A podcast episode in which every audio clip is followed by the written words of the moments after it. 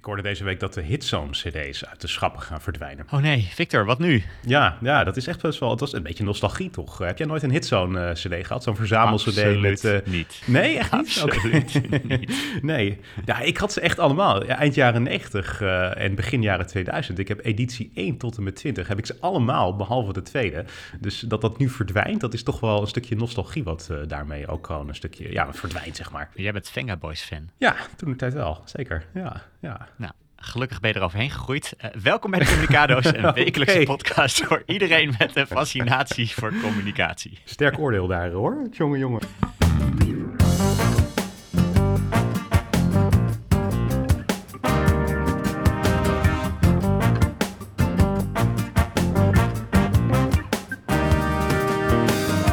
Welkom bij de Communicado's, aflevering nummer 25. En we hebben weer een leuke show voor je voorbereid. In deze aflevering gaan we het hebben over hoe je een topprestatie levert wanneer het echt Dan, de nieuwe transgenderwet wordt nauwelijks besproken in de media, waarom dat onterecht is. En Juice-kanalen zorgen voor een revolutie in de entertainmentjournalistiek. Vergeet je niet te abonneren en te recenseren als je dit een leuke podcast vindt, want dat stellen we natuurlijk enorm op prijs. Maar Lars, we gaan deze week beginnen met een enorme blunder, kan je wel zeggen, namelijk de blunder van Volt. Daar is echt het een en ander gebeurd. Ik zat wel echt even te kijken deze week dat ik dacht bij mezelf van... Mijn god, waar zijn die mensen in hemelsnaam mee bezig? Vlak voor de Ehm, verkiezingen. Ja, exact. Ja. Ze komen eraan, de gemeenteraadsverkiezingen. Even om het allemaal ehm, eh, gewoon eh, samen te vatten. Vorige week zondag kwam naar buiten dat Kamerlid Nilever Gundogan van Volt, een beetje het boegbeeld, geschorst is vanwege grensoverschrijdend gedrag. Eh, mijn eerste gedachte was het gaat om seksueel grensoverschrijdend gedrag. Maar later gaf Volt aan in de verklaring dat het gaat om wat zij noemen verstoorde machtsverhoudingen. En in de pers zijn dingen te lezen zoals dat Gundogan soms uitviel tegen medewerkers en dat ze ze ook opbelden in het weekend. Eh, maar ja, goed, of dat nou de reden is van haar schorsing, dat is op dit moment allemaal, een specu- eh, allemaal speculatie. Want we zijn een week verder en we weten eigenlijk nog helemaal niks over wat er nou precies ten grondslag ligt aan deze schorsing. Tegelijkertijd, zij lijkt natuurlijk enorme reputatieschade, want er wordt gesuggereerd dat zij eh, vreselijke dingen heeft gedaan. En de partij die heeft ook reputatieschade. Eh, dus dit lijkt allemaal niet heel goed gemanaged te zijn vanuit een communicatieperspectief. Eh, inmiddels is Gundogan ook naar de rechter gestapt om opheldering te eisen via een kort geding. Hoe kijk jij ernaar, Lars? Dit is, dit is toch echt een enorme PR-blunder. Ja, nou, hier past eigenlijk maar één cliché, Victor. Deze situatie kent alleen maar verliezers. ik Ja, durf ja, het dat- bijna niet te gebruiken. Advocaten, die zijn de winnaar, denk ik. Die kunnen hier nog eh, goed mee verdienen. Wat zou zo'n eh Gertjan Knoops, wat zou die vragen per uur? Nou, dat zal best wel eens eh 600, 700 euro eh, per uur eh, kunnen zijn. Dus die, eh, die, casht er, eh, die casht er goed op. Maar verder, ik, ja, ik, ik verbaasde me, ik verwonderde me eigenlijk erover. Ik dacht eerst, die verklaring van Volt was in het begin al niet zo handig, omdat hij te veel onduidelijkheid creëerde. Hè, dus te veel vragen opriep. Dat was al niet, eh, niet zo handig. Vervolgens ehm viel Maar mij op dat moment toch ook moeten zeggen van... eh, jongens, als wij iemand gaan schorsen... dit is de reden waarom iemand geschorst is. Ja. Want dit is een Kamerlid, dit is iemand die kiezers vertegenwoordigt. Er zijn mensen die op haar gestemd hebben. Je bent het aan die mensen verschuldigd om gewoon te zeggen van... dit is wat haar verweten wordt. En als je dat niet doet, dan eh, kan zij zich natuurlijk niet verdedigen. Dus dat is eigenlijk een hele problematische situatie. Ja, en ik denk, eh, daar speelt natuurlijk ook nog dat de vraag was van wat, wat is die schorsing dan precies? Want zij kunnen haar niet eens schorsen. De partij kan haar niet schorsen. De fractie kan geen leden schorsen. Dus dat was natuurlijk iets dat dat alleen maar bijdroeg aan de onduidelijkheid hierover. Wat mij heel Ja. erg opviel in het begin is dat er eigenlijk alleen maar steunverklaringen kwamen op, eh, op het Twitter-kanaal van uh, Niederver Gundogan. Toen dacht ik ook van, hé, hey, dit, dit, is, dit is een nieuwe ontwikkeling misschien in ja, de, de, de, de grensoverschrijdend gedragdiscussie. Van in één keer allemaal steunbetuigingen van hou vol, eh eh, eh, Niederver, en eh, eh, Ja. zorg dat je, dat je erheen slaat. Voor mij kantelde het eigenlijk een beetje bij de laatste verklaring van Volt. Want heel lang dacht ik van, wat heeft, wat heeft de partij dit ongelooflijk onhandig gedaan? Ik denk nog steeds wel dat, dat, dat ze daar echt wel steken hebben laten vallen. Maar in de verklaring die vrijdagavond naar buiten kwam, eh, zeggen ze in één keer, want dan reageren ze ook op die eh, eh, rechtszaak die is aangespannen, het kort geding dat is aangespannen.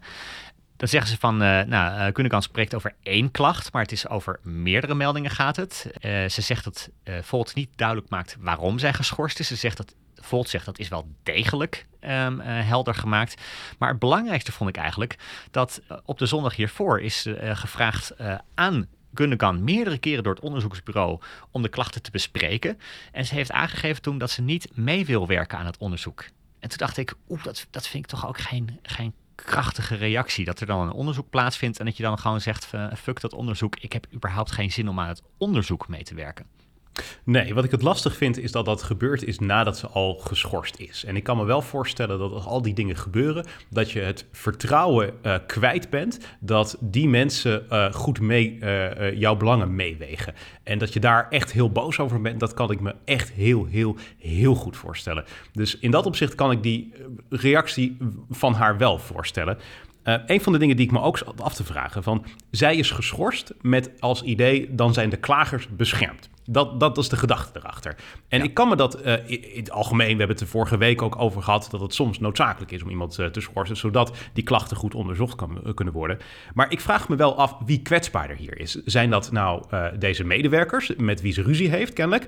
Of is, is dat Gundogan zelf? Want je zou ook kunnen zeggen, Gundogan is een publiek persoon. Zij moet het hebben van haar reputatie. Als zij hierdoor schade leidt, kan dat betekenen dat ze de volgende keer niet meer op de lijst komt te staan van Volt. dat ze misschien in in het vervolg niet in aanmerking komt voor eventuele bestuursfuncties die Volt heeft. Dus haar carrière leidt hier echt onder. Misschien ook als de aantijgingen blijken mee te vallen. En tegelijkertijd, die klagers, dat zijn fractiemedewerkers. Ja, ik bedoel, het is heel vervelend als die uh, niet meer uh, hun positie kunnen handhaven in zo'n fractie. Dat betekent misschien dat ze ergens anders in de partij moeten gaan werken. Bijvoorbeeld op het uh, partijbureau. Of misschien moeten ze überhaupt bij een andere partij aan de slag gaan. In de zin van dat ze voor een andere werkgever aan de slag moeten. maar ja, als fractiemedewerkers denk ik dat ze voor heel veel lobbybedrijven wel erg interessant zijn. Waarschijnlijk omdat ze niet zo heel veel connecties hebben met Volt. Dus die mensen die komen nog best wel goed terecht. En ik denk als je deze afweging maakt, is die erg bureaucratisch gemaakt ik ben eigenlijk geneigd om te denken dat Gundogan als publiek persoon hier nog wel net iets kwetsbaarder is dan die fractiemedewerkers. Ja. Dat volgende wat je zei ben ik het niet mee eens. Want we, weten natuurlijk niet precies wat er gebeurd is. Als zij een keer in het weekend boos heeft gebeld en, uh, en ze de huid vol heeft gescholden dat het blijkt te zijn, dan denk ik inderdaad van uh, uh, groei is een olifantenhuid. Uh, reageer dat daar wat volwassener op. Ik ken genoeg mensen die werken bij accountantskantoren bijvoorbeeld. Die worden zondagochtend gebeld en dan is het niet, wil je dit doen? Nee, dan is het, dan is het aan het einde van de dag, moet dit af zijn? Ja, maar ik heb eigenlijk een afspraak met mijn familie gepland. Ja, jammer voor jou. Hè? Dus uh, dat is nou eenmaal de, de, de, de werkethiek die soms van je gevraagd wordt. En in de politiek zijn er nou eenmaal hele krappe deadlines en zo. Dus ik, als dat het geval is, dan vind ik echt dat ze niet moeten zeuren. Zolang we niet precies weten wat er gebeurd is, moet je natuurlijk heel erg uh, uitkijken met uh, zeggen van ja, ze kunnen ook ergens anders werk zoeken. Ik had me wel kunnen voorstellen dat je het onderzoek had gedaan en daar nog geen rugbaarheid aan had gegeven. Hè? Dat je zei van, nou ja, we onderzoeken het en zodra er meer uit dat onderzoek bekend is, ja, ja. dan gaan we over tot een schorsing of een andere stap. Ja, en ik denk ook dat de reputatieschade in dit geval uh, dusdanig groot is dat de aantijgingen ook wel heel erg ernstig mogen zijn. Dus ik ben het in zekere zin ook wel met je eens wat je zegt. Want op het moment dat er hele ernstige dingen uitkomen, dan was misschien deze schorsing wel terecht. Dan denk ik nog dat ze het anders hadden moeten aanpakken. Maar dan kan dit achteraf gerechtvaardigd uh, blijken. Maar uh, ja, of, dat, of die aantijgingen zo ernstig zijn, dat moeten we inderdaad nog maar zien. Wat ik ook wel interessant vind aan deze, je ziet wel vaker dat mensen worden, ehm, door de mangel worden gehaald omdat ze ja, gewoon een beetje een lastpak zijn. Hè? Khadija Ariep als Tweede Kamervoorzitter heeft ook die kritiek gekregen dat ze uh, hard is voor haar medewerkers, dat ze een vervelend persoon is om mee samen te werken. Uh, Pieter Omtzigt werd natuurlijk ook vaak geportretteerd als een, als een dwarse, vervelende man om mee samen mhm. te werken. Niet echt een teamspeler in sommige opzichten.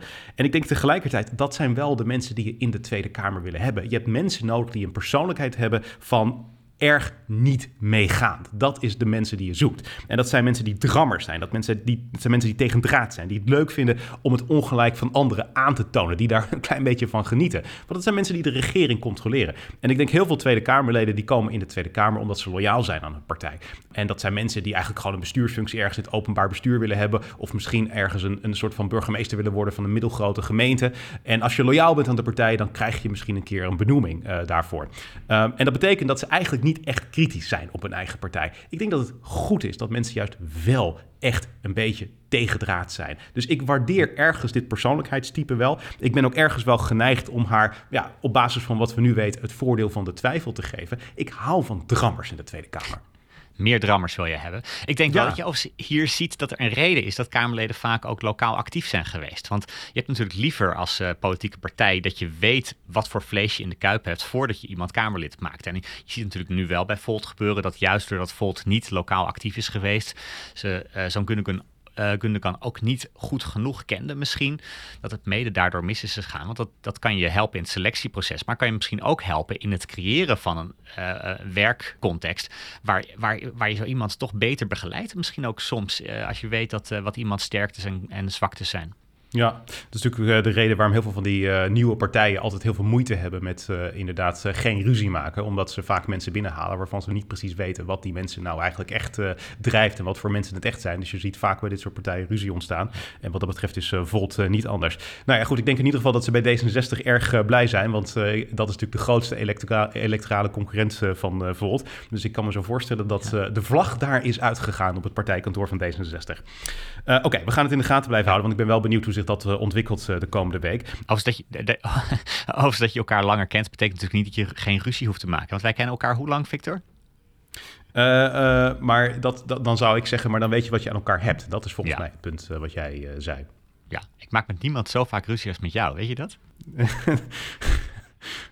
is dat zo? Ja, maar we komen er wel ik vind dat nog een onthulling. Ja. ja. Oké, okay, ja. Is dat echt zo? Ja, we, we hebben toch okay. wel vaak verhitte, verhitte discussies. En, en, soms hang je ook echt gewoon de telefoon erop. Dat je gewoon. Nou, dat, je dan, dat dan ben je wel iemand mee. die later terugbelt. Maar ik, ik... Dat is volgens mij maar één keer gebeurd, toch? ik, in de afgelopen tien jaar is dat één keer gebeurd. Maar we hadden ook over vandaag, over deze podcast, een verhitte discussie. Ja, wacht maar uh, tot we over het transgender onderwerp uh, doorgaan. Ja. jongen, jongen, jongen, wat daaraan ten grondslag heeft gelegen, dat geloof je bijna niet. Maar goed, daar zijn we nog niet aanbeland. Want het tweede onderwerp waarover jij wilde praten, Lars, was hoe je een topprestatie levert wanneer het echt telt. Olympische Spelen ja. zijn natuurlijk geweest. Hoe, hoeveel heb jij naar de Olympische Spelen gekeken? Ik kijk naar de samenvattingen en de Nederlanders als er dan af en toe een live onderwerp okay. is. Want ik krijg tegenwoordig krijg ik ook zo'n uh, pushberichtje op mijn telefoon van let ja, op, tuurlijk. daar gaat weer een Nederlander schaatsen. En dan uh, zet je alsnog ja. natuurlijk je, je computer aan. Ik, ik, volgens mij, het is wel echt iets wat minder leefde deze keer. Dat vond ik er wel opvallend aan. Olympische Spelen zijn normaal gesproken een groot ding. Uh, dit keer viel het mij wel mee. Maar jij wil het dus hebben. Want je, je, je hebt het, het trainingsregime uh, van een schaatser, Niels van der Poel, gezien. Ja. En uh, je had daar een heel sterk gevoel bij. kan je dat gevoel eens uitleggen? Je, je, vond het bijzonder wat hij deed. Ja, nee, want kijk, bij de Olympische Spelen gaat het natuurlijk om eens in de vier jaar een topprestatie leveren. En wat dat betreft zie je in Nederland bijvoorbeeld dat uh, ik heb altijd een, een, een, zwak voor bijvoorbeeld een, een, een schaatser als Irene Wust, die eigenlijk nooit wint, behalve bij de Olympische Spelen. uh, en Niels van der Poel, dat is, die is in een andere, uh, andere categorie. Maar dat is ook iemand die, um, wat hem bijzonder maakt, is dat hij een heel boek heeft geschreven over hoe hij Olympisch kampioen is geworden eigenlijk. En dat is de, een paar dagen nadat hij Olympisch kampioen werd, bracht hij dat ook uit. Van, uh, hij zei van how to skate at 10 kilometer. Uh, hij is namelijk op de 5 en 10 kilometer is hij uh, kampioen geworden. Zelfs in een wereldkamp, wereldrecord op de 10.000 meter. En ik vond dat bijzonder. Vooral ja, want hij verdient heel... er ook geen cent aan. Hè? Want ik zou denken, normaal gesproken, het is heel goed als je dat dan uitbrengt en je bent Olympisch kampioen geworden. Iedereen wil het kopen. Maar hij heeft het gewoon op zijn eigen website gezet als van, ik wil dit delen met mensen. Ja, en kijk, wat, wat, wat hem bijzonder maakt, uh, los van dat hij soms wat onhandige dingen in de media zegt, is het, het verhaal achter hem is bijzonder. Hij uh, heeft enorm geworsteld. Is op een gegeven moment is hij bij de elite troepen van het Zweedse leger is hij, is hij aan de slag gegaan. waarbij hij gewoon twee weken in de middle of nowhere werd gedropt bij min 30. En dan moesten ze met een team maar zelf zien te overleven en jagen. En nadat hij dat had gedaan, heeft hij zich helemaal weer op het schaatsen gestort. En in 13.000 woorden legt hij heel openhartig uit van hoe hij nou heeft gezorgd dat hij, uh, dat hij uh, nou ja, zo goed werd in het, uh, in het schaatsen. En ik dacht, daar zaten een paar dingen in. Ik vond ze gewoon interessant om, om te lezen. Ook voor iemand die misschien, zoals jij, veel minder met, met schaatsen heeft. Ik heb nog nooit geschaatst. Dat is. Uh, nee. ja, ik serieus? Heb, nee, ik heb nooit geschaatst. Nee, het, ik, ben, het, ik ben natuurlijk gewoon voor een groot deel opgegroeid in Amerika. En uh, schaatsen is daar iets wat uh, gewoon totaal niet populair is. Dus nee, ik heb het nooit gedaan. Nee. Oké, okay, nou, ik heb wel tochten geschaatst en zo. Dan, van, van de 80 hm. kilometer of zo. Dan nou ja, lekker over de, over de meren. Alleen ja, dat kan in Nederland natuurlijk steeds minder. Ja. Maar Niels van der Poel. Uh, hij begint zijn boek ook al met een, uh, met, een, uh, met een wat breder uitspraak over waar hij echt in gelooft. Hij zegt: Als je maar hard en goed genoeg traint, dan kun je goed in alles worden. En hij is ook ervan overtuigd dat degene die uiteindelijk de meeste rondjes van 30.0, dat is een snel rondje, schaatst in de laatste maanden voor de wedstrijd, die wint ook de 10.000 meter. Dus hij begint maar als je met... maar hard genoeg ergens voor traint, dan kun je Olympisch kampioen worden. Dat zegt hij echt? Ja, en ik denk voor een deel ben ik het daar dan natuurlijk niet mee eens. Want nee. je hebt natuurlijk veel talent nodig. Volgens mij is dit overigens iets wat heel veel mensen die iets winnen ook zichzelf vertellen.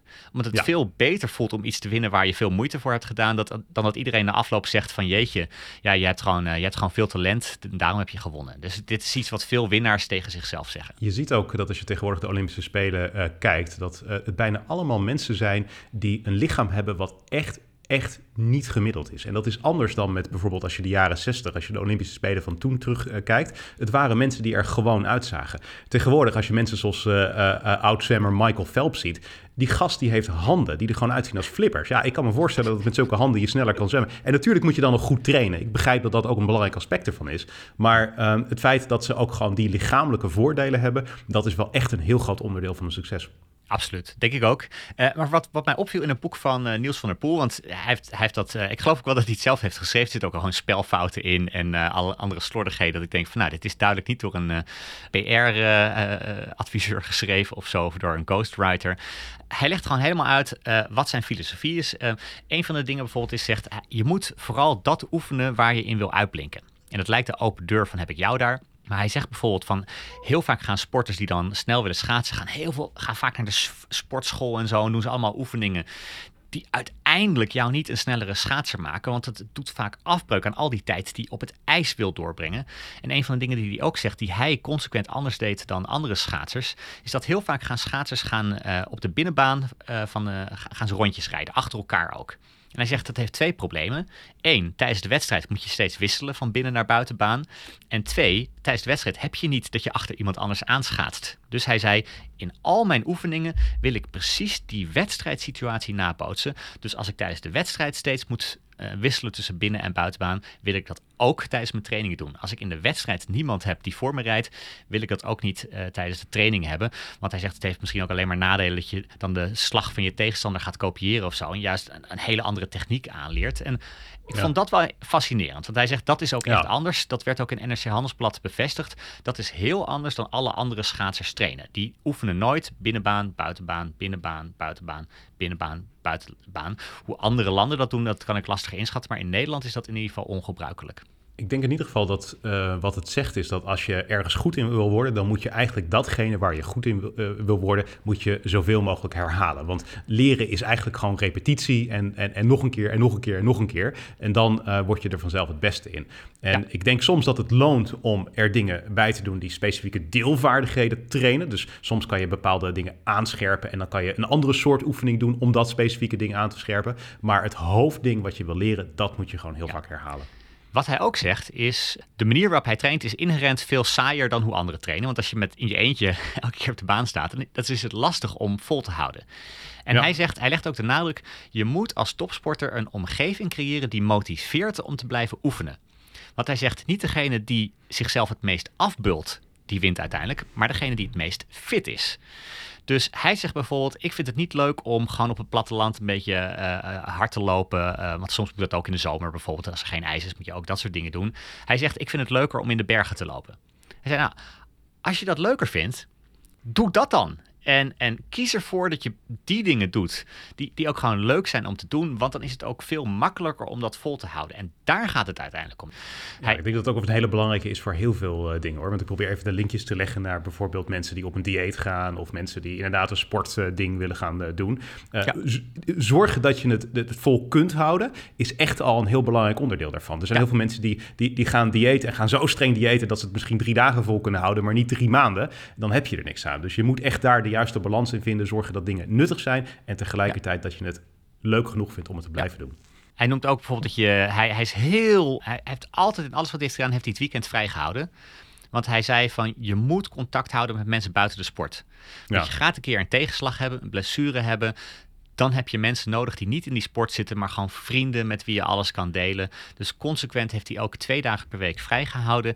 En wat ik leuk vind is, eh, hij, hij noemt ook andere schaatsers. Bijvoorbeeld uh, Chad Hedrick, die heeft, eh, zijn, eh, die heeft eerder een wereldrecord gereden op de 10.000 kilometer. Die deed dat nadat hij bij de Subway was langs gegaan. En ik denk dat heel veel topsporters zoiets zouden hebben van... als, als iets jou niet voorbereidt op een wereldrecord... dan is het eh, een broodje van de Subway. En daar zei Chad Hedrick, eh, Hendrick, sorry, die zei... eh, it's, about, it's not about eating, it's about skating. uiteindelijk ja. wat maakt het nou uit wat je eet? Je moet gewoon goed uh, schaatsen. Daarvan zei hij van, ik ben het op zekere hoogte ben ik het er ook wel mee eens. Tuurlijk is eten, uh, kan, je kan het niet verwaarlozen. Maar hij zei, veel mensen die leggen zoveel nadruk op dat soort elementen... dat ze vergeten dat het gaat om het schaatsen zelf. Uh, dus nou, dat vond ik leuk om, om te lezen. Niet altijd schokkend, maar ik vind nee, het boek vind ik wel leuk houden. om te lezen. Ja, ja. Want dit zegt eigenlijk van, je, je wil focus houden op datgene wat ertoe doet. En sommige mensen verliezen die focus en dan gaan ze te veel zich richten op deelonderdelen. dus zorg dat je doel goed voor ogen houdt, zegt hij eigenlijk. Ja. Ja, en ik herkende het deels ook wel, want uh, ik heb zelf geen topsport gedaan. Als in een, een, een nou, ik, ben, ik ben niet zo van het, van het rennen of het schaatsen. Amateur niveau vind ik dat leuk. Maar ik heb vroeger veel gedebatteerd, net als jij. En dat liep een beetje uit de hand. Uiteindelijk ben ik daar wereldkampioen in, in geworden. En ik, ik vroeg me ook even af van, heb ik dat nou heel anders gedaan toen? Of heb ik, herken ik daar dingen van? En ik herkende bepaalde dingen, herkende ik wel. Bijvoorbeeld als het gaat om de voorbereiding. Hij zegt van echt het, het oefenen van die dingen die je tijdens de wedstrijd gaat doen, die zijn cruciaal. Uh, ik heb altijd, je doet het met z'n tweeën, dat debatteren. Ontzettend veel nadruk gelegd op altijd elk debat dezelfde dingen doen. Je had bijvoorbeeld uh, debaters die afhankelijk van de stelling die ze kregen, nog gingen discussiëren met een teamgenoot van wie mag als eerste spreken, wie gaat als tweede spreken. Nou, ik weet er net iets meer vanaf dan jij. Misschien ga, ga ik dan als eerste spreken en jij als tweede. En ik heb altijd gezegd, dat soort discussies moet je nooit voeren. Je moet gewoontes insluiten altijd dezelfde spreker als eerste laten, laten starten, want dat geeft houvast. Dan oefen je ook precies dat wat je tijdens de wedstrijd gaat doen. Die routines op de, op de dag van de wedstrijd hebben mij altijd heel geholpen. Mensen vonden mij een beetje een rare snuiter vaak op dat soort toernooien. Weet je wat het eerste alleen, was? Wacht even, alleen op dat soort toernooien? Ja, ik, ik, heb nieuws voor je. ja. heb, heb, je enig idee wat het eerste was wat ik altijd deed als ik uh, op een locatie kwam bij een debattoernooi? Uh, ik denk dat jij als eerste naar de wc ging. Nee, iets anders. Uh, nee, geen idee. Ik maakte een rondje langs alle zalen waar je kon debatteren. Ja, oké. Dus ik ging gewoon kijken van waar liggen de zalen. Als ik daar moet debatteren, wat is een goede plek om voor te bereiden? Want je hebt heel vaak een kwartier voorbereidingstijd en je moet dan naar een zaal gaan. Ik heb zoveel mensen zien uh, dwalen die hun lokaal niet konden vinden of geen plek vonden om voor te bereiden. Ik maakte altijd gewoon eerst een rondje, zodat ik precies wist daar moet ik zijn, uh, daar kan ik voorbereiden, uh, daar kan ik dat doen. En ik denk dat uh, één ding deed ik anders dan Niels van der Poel. Ik was wel heel dwangmatig met eten bezig. dus dat misschien, achteraf ga je misschien ook zelf vertellen dat dat heel belangrijk is geweest. Ik weet dat niet.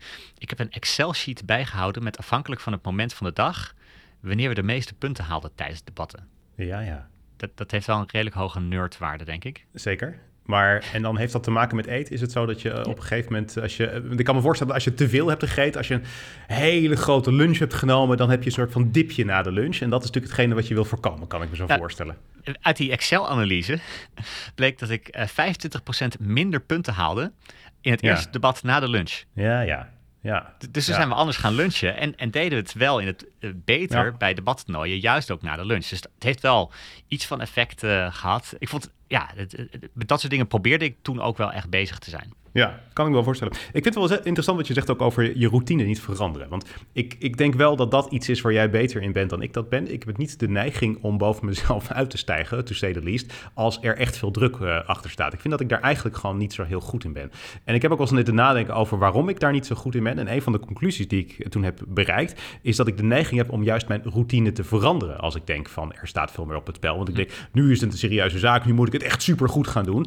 En doordat je dus niet meer die houvast van die routine hebt, uh, lever je misschien soms een prestatie die juist onder het niveau zit. Dus dat ja. is echt ook een van de dingen die mij daar wel echt in heeft geholpen om te zorgen dat ik die routine opbouw en erop vertrouw dat mijn routine tijdens de voorbereiding net zo goed is als die, of tijdens een, een zeg maar een minder belangrijk moment, dat die routine hetzelfde is als tijdens een, uh, nou ja, een topprestatie in welke vorm uh, dan ook. dus ik denk dat dat echt een heel waardevol punt is, ook voor mensen die een keer een belangrijke presentatie hebben. Eigenlijk wil je jezelf op dezelfde manier voorbereiden als tijdens een wat minder belangrijke presentatie, want ja. die je soms ook. Of uh, misschien een minder belangrijke vergadering uh, die je hebt. Het moet ongeveer hetzelfde zijn eigenlijk. Er moet zoveel mogelijk vertrouwd voelen.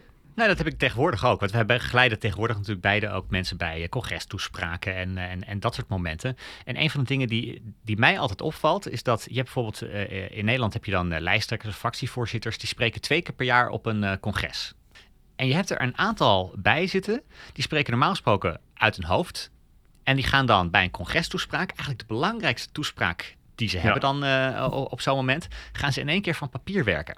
En een van de tips die ik dan altijd geef, van zorg dat je in de Tweede Kamer dan ook gewoon je verhaal helemaal uitschrijft. En dan krijg ik altijd als weerstand van ja, maar in de Tweede Kamer is dat niet nodig. Ja, who cares? Doe het gewoon, want dan krijg je in de simpelste dingen routine. En ik heb bijvoorbeeld een, een keer iemand begeleid die op een hele onhandige manier papieren omsloeg tijdens een congrestoespraak. Denk van, nou, dat is nou typisch iets. Dat doe je op het moment dat je geen routine hebt omgebouwd. Het klinkt heel suftig trouwens, als ik dit zou zeggen.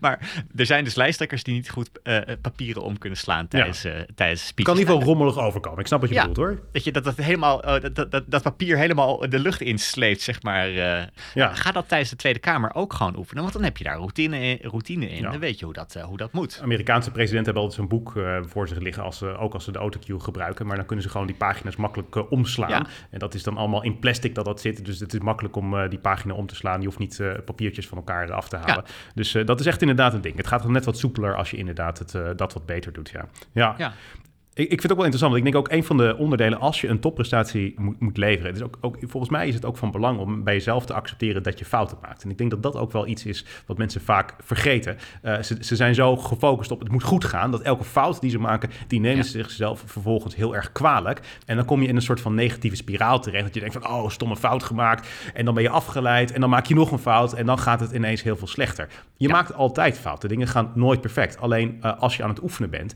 dan uh, accepteer je dat je die fouten maakt en stap je er snel overheen. Dus vaak bij een topprestatie is het ook zaak om te realiseren van, weet je, je maakt die fouten, maar stap er overheen. Ga er gewoon uh, mee om, accepteer het en ga door. Hoop ja. dat je niet andere fouten maakt. Vertel ik ook mensen van kies een moment waarop je gaat evalueren. Dus je, je moet jezelf evalueren, dat is goed. Ja. Maar neem jezelf voor, zodra ik die zaal uitloop, of zodra ik in de auto zit, of zodra ik uh, thuis ben of zo, dan pas ga ik evalueren en niet tussendoor. Uh, dat zag je overigens ook bij die debattoernooi. Dat je, je, kon altijd, je had, daar heb ik me altijd over verwonderd. Je had, je had altijd mensen die hadden dan geen goede speech. En die gingen dan de rest van het debat gingen die echt uh, bij de pakken neerzitten en uitstralen dat ze gewoon het uh, verkloot hadden. Nou ja, debatteren is een jurysport. Als je, als je zeker wil weten dat je verliest, dan moet je eigenlijk ja. al non-verbaal uitstralen dat je, dat je het verkloot hebt. Maar ook die zelfevaluatie, ja, belangrijk. Ja, maar ja, na afloop pas. Ja, het is een prachtig Britse woord voor poise. Het kunnen verbergen van schaamte en negatieve mm. emoties. Dus mensen laten altijd te veel merken dat ze niet blij zijn met hun eigen prestatie. En daardoor benadrukken ze eigenlijk dat het slecht gaat. Dat zie je ook heel veel mensen die een presentatie geven en die dan al excuses aanbieden voor het feit dat ze denken dat het niet goed gaat of dat ze zich niet hebben goed, uh, goed hebben kunnen voorbereiden. En daarmee benadruk je alleen maar dat het eigenlijk gewoon uh, minder ideaal is dan, dan het had kunnen zijn. Dus je legt de nadruk op je eigen fouten. Dus ja. gewoon die, die, die, de Britse stiff upper lip, die, die is ergens, ergens heel erg bruikbaar. Maar goed, uh, punt is in ieder geval dus dat je uh, goede routines uh, moet opbouwen. Dat helpt je om een topprestatie te leveren. En dat is dus ook wat Niels van der Poel heeft geholpen bij zijn Olympisch record. Absoluut. Nou, Oké, okay, nou dat is interessant. Ja. Bruikbare tips. Oké, okay, hartstikke mooi. Straks gaan we het hebben over hoe de Juice-kanalen de entertainmentjournalistiek hebben veranderd. Uh, misschien zelfs een revolutie te bewerkstelligd hebben. Maar eerst gaan we het hebben over uh, een transgenderwet. Want ik had, deze week las ik wat dingen. En het stond in de krochten van kranten zoals de Volkskrant, HP De Tijd. Die hadden er wel wat over geschreven. Maar je hoort er niet zo heel veel over. er is een, een aanpassing van de transgenderwet die eraan zit te komen. Die best wel fundamenteel is. En tegelijkertijd zie je er niet zo vreselijk veel over in de media. wat ik zei, je moet echt de krochten van de kwaliteitskranten induiken. Maar in talkshows wordt het niet besproken. In het journaal heb ik het niet voorbij zien komen. En dat verbaasde me enigszins, want ja, dit zit op het kruispunt van twee hete politieke thema's. Aan de ene kant de medische ethiek en aan de andere kant de identiteitspolitiek. Hè. Normaal gesproken zaken zoals abortus en euthanasie en dat soort dingen, dat, dat is iets wat heel erg veel leven. besproken wordt. Ja, dat leeft enorm in Nederland. En tegelijkertijd dit dus niet. Dit krijgt niet die aandacht. Dus dat vond ik wel opmerkelijk. Nou, wat is dan precies uiteindelijk die uh, wetswijziging? Uh, wat gaat er veranderen? Uh, met deze uh, nieuwe wet uh, kun je je geslacht, uh, geslachtsregistratie even makkelijk veranderen als je adres. Uh, je gaat gewoon naar het gemeentehuis, je vult een formulier in. En uh, als jij uh, voorheen een man was, dan staat er nu op jouw geboorteakte dat je een vrouw bent. en dat staat dan vervolgens niet alleen in je geboorteakte, maar in alle officiële documenten en bijvoorbeeld ook een paspoort. hoe dus gaat dat voorheen, ja, oh. voor, goede vraag inderdaad. wat, wat, wat er voorheen moest gebeuren is dat om, om, om als je die, dat, die geslachtsregistratie wilde veranderen, dan moest je een verklaring hebben van een psycholoog. En dat is dus het element wat vervalt. Dat heb je niet meer nodig. En nou ja, dit, de reden waarom dit een fundamenteel uh, punt is en, en, en waarom uh, uh, ik denk dat hier eigenlijk meer aandacht voor zou moeten zijn, dat is omdat we eigenlijk feitelijk afscheid nemen van de biologische categorieën man en vrouw. Je kunt eigenlijk gewoon zelf kiezen, daar komt het op neer. Als jij als man geboren bent en je hebt twee kinderen verwekt bij een vrouw, uh, dan kan het toch zo zijn dat er in jouw geboorteakte komt te staan, als jij op enig moment besluit om een vrouw te zijn, dat jij altijd een vrouw bent geweest. Dus dat is hoe het gaat. Uh, dat, dat is echt heel fundamenteel. Ik denk wel dat het echt iets is wat belangrijk is. Nou, vanaf dat moment, denk ik. Hè? Dus je, je, nee. je... Nee, dat is dus het idee. Uh, als je transgender bent, dan uh, krijg jij het geslacht wat je altijd al bent geweest. Dus daarom staat er in jouw geboorteakte dat je als uh, vrouw bent. Dus het is echt wat dat betreft, ja, wat ik zeg, heel fundamenteel. het is natuurlijk een klein beetje een gekke situatie hierbij.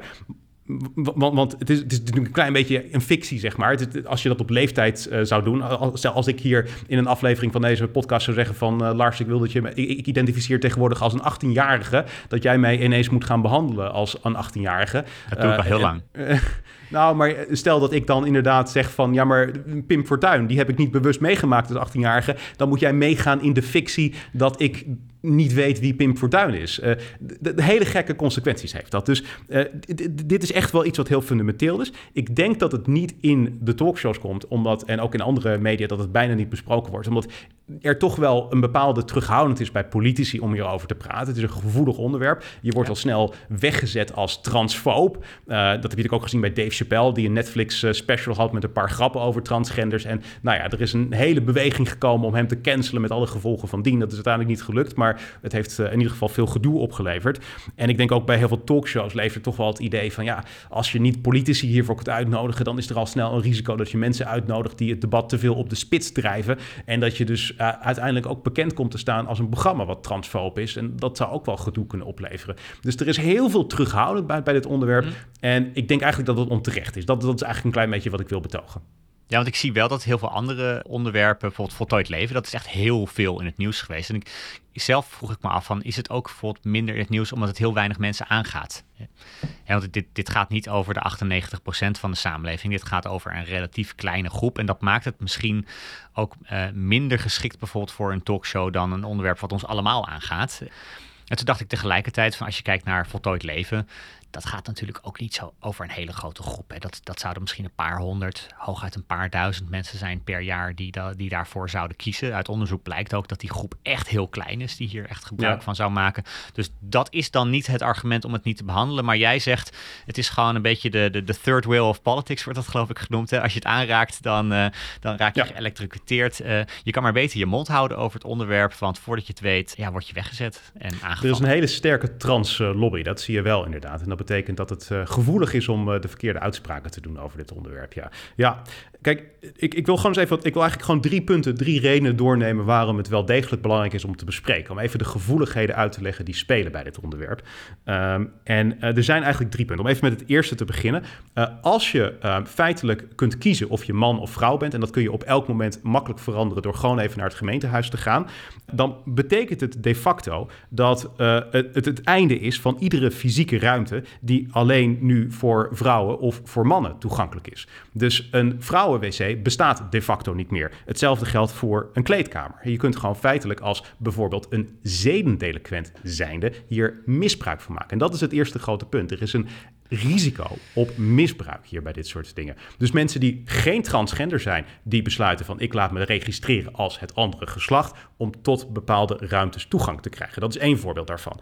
Ik noemde net wc's en uh, uh, kleedkamers. Ja, maar dat gebeurt nu toch ook niet? Uh, sorry, wat bedoel dat je? gebeurt nu toch ook niet? Ik bedoel, als, je, als kennelijk één, nu één verklaring van een psycholoog genoeg is, dan zou je denken, als je het echt heel graag wil, dan kun je wel een psycholoog zover krijgen dat hij een verklaring voor je ondertekent.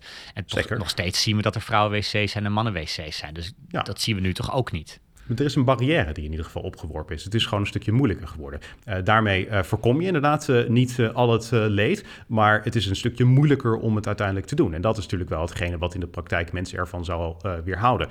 ik denk dat waar het, het, het, het, risico op misbruik nog wel echt het meest reëel is, dat is in gevangenissen.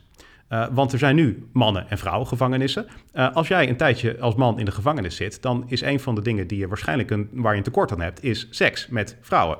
En wat zou nou een mogelijkheid zijn? Als jij je laat registreren als vrouw, dan moet je ook naar de, de vrouwengevangenis. En voor die registratieverandering uh, hoeft er niks te gebeuren. Je hoeft niet eens uh, je, je, kleding, je haar, je hoeft niks te veranderen. Als jij vindt dat je een vrouw bent, dan moet dat gewoon op die manier in jouw geboorteakte komen te staan. En dat betekent dat een man ineens in een vrouwengevangenis zit. Ik zou me daar als, uh, eerlijk gezegd, als vrouw in die gevangenis niet fijn bij voelen. Want dit is iemand die fysiek waarschijnlijk sterker is, die mensen makkelijk kan overmeesteren. Dat is gewoon een concreet uh, uh, mogelijkheid tot misbruik ik, daar. Ik wat, wat ver gezocht eigenlijk. Is, is het nu, als je erover nadenkt, überhaupt gek dat we, dat we in de hele samenleving mannen en vrouwen zoveel mogelijk bij elkaar proberen te brengen en zoveel mogelijk het onderscheid proberen weg te nemen? Misschien is het veel gekker dat we op dit moment mannen- en vrouwengevangenis hebben. Ja, nou ja, als ik, ik heb het dus over zedendelinquenten en die zitten disproportioneel vaak in de gevangenis. Uh, ik moet je zeggen, ik vind het niet gek om die inderdaad gescheiden te houden is... van vrouwen. Nee, nee, nee maar, dan, dan, maar dan, dan, maak je daar een uitzondering voor. Men zitten ook mensen in de, in de gevangenis omdat ze gefraudeerd hebben bijvoorbeeld. Wat is er mis met een, een man en een vrouw die beide in de gevangenis zitten omdat ze uh, gefraudeerd hebben met iets bijvoorbeeld, uh, om die bij elkaar in dezelfde gevangenis te stoppen. Ik zou zeggen, misschien is dat wel een hele grote verbetering voor onze gevangenissen als we dat onderscheid tussen geslacht überhaupt helemaal opheffen. Oké, vind ik even een ander punt. Ga ik even aan voorbij, waar ik in ieder geval een punt over probeer te maken. Nou ja, ik bedoel, wat moet ik erop zeggen? Eh, er is een risico op misbruik als het heel erg eenvoudig is om je geslacht te wijzigen. En dat zit hem dus in al dit soort dingen dat vrouwenruimtes eigenlijk gewoon niet meer bestaan. En ik wijs er even op als laatste punt hierbij, is dat mannelijke atleten zich makkelijker kunnen identificeren als vrouw. Met als doel om medailles te winnen in vrouwensporten. Hè? Want mannen zijn gewoon fysiek sterker dan vrouwen. Dat is iets wat algemeen bekend is. Dat zou echt wel een ding kunnen zijn. Je kunt als man uh, die uh, zegt een vrouw te zijn, ineens allerlei Olympische medailles winnen. Dat, dat is ook wel een risico wat hier speelt. Kan je iets aan doen als dat inderdaad een probleem wordt? Wat zou je eraan kunnen doen dan? Nou, je kan volgens mij best als sportorganisatie bepaalde eisen stellen aan, uh, aan atleten. Hè. Dat is nu op dit moment zijn er ook al bonden die daar natuurlijk eisen aan stellen. Hè. Dus, dus ik kan me voorstellen dat je in de sport daar extra regels maakt om misbruik ja, die, te voorkomen. Die zijn er natuurlijk ook wel. Alleen het punt is natuurlijk wel van hoe kan je die regels objectief uh, opstellen. Er is het voorbeeld van uh, Laurel Hubbard. Zij was een krachtsporter bij de vorige Olympische Spelen, dus die van vorig jaar.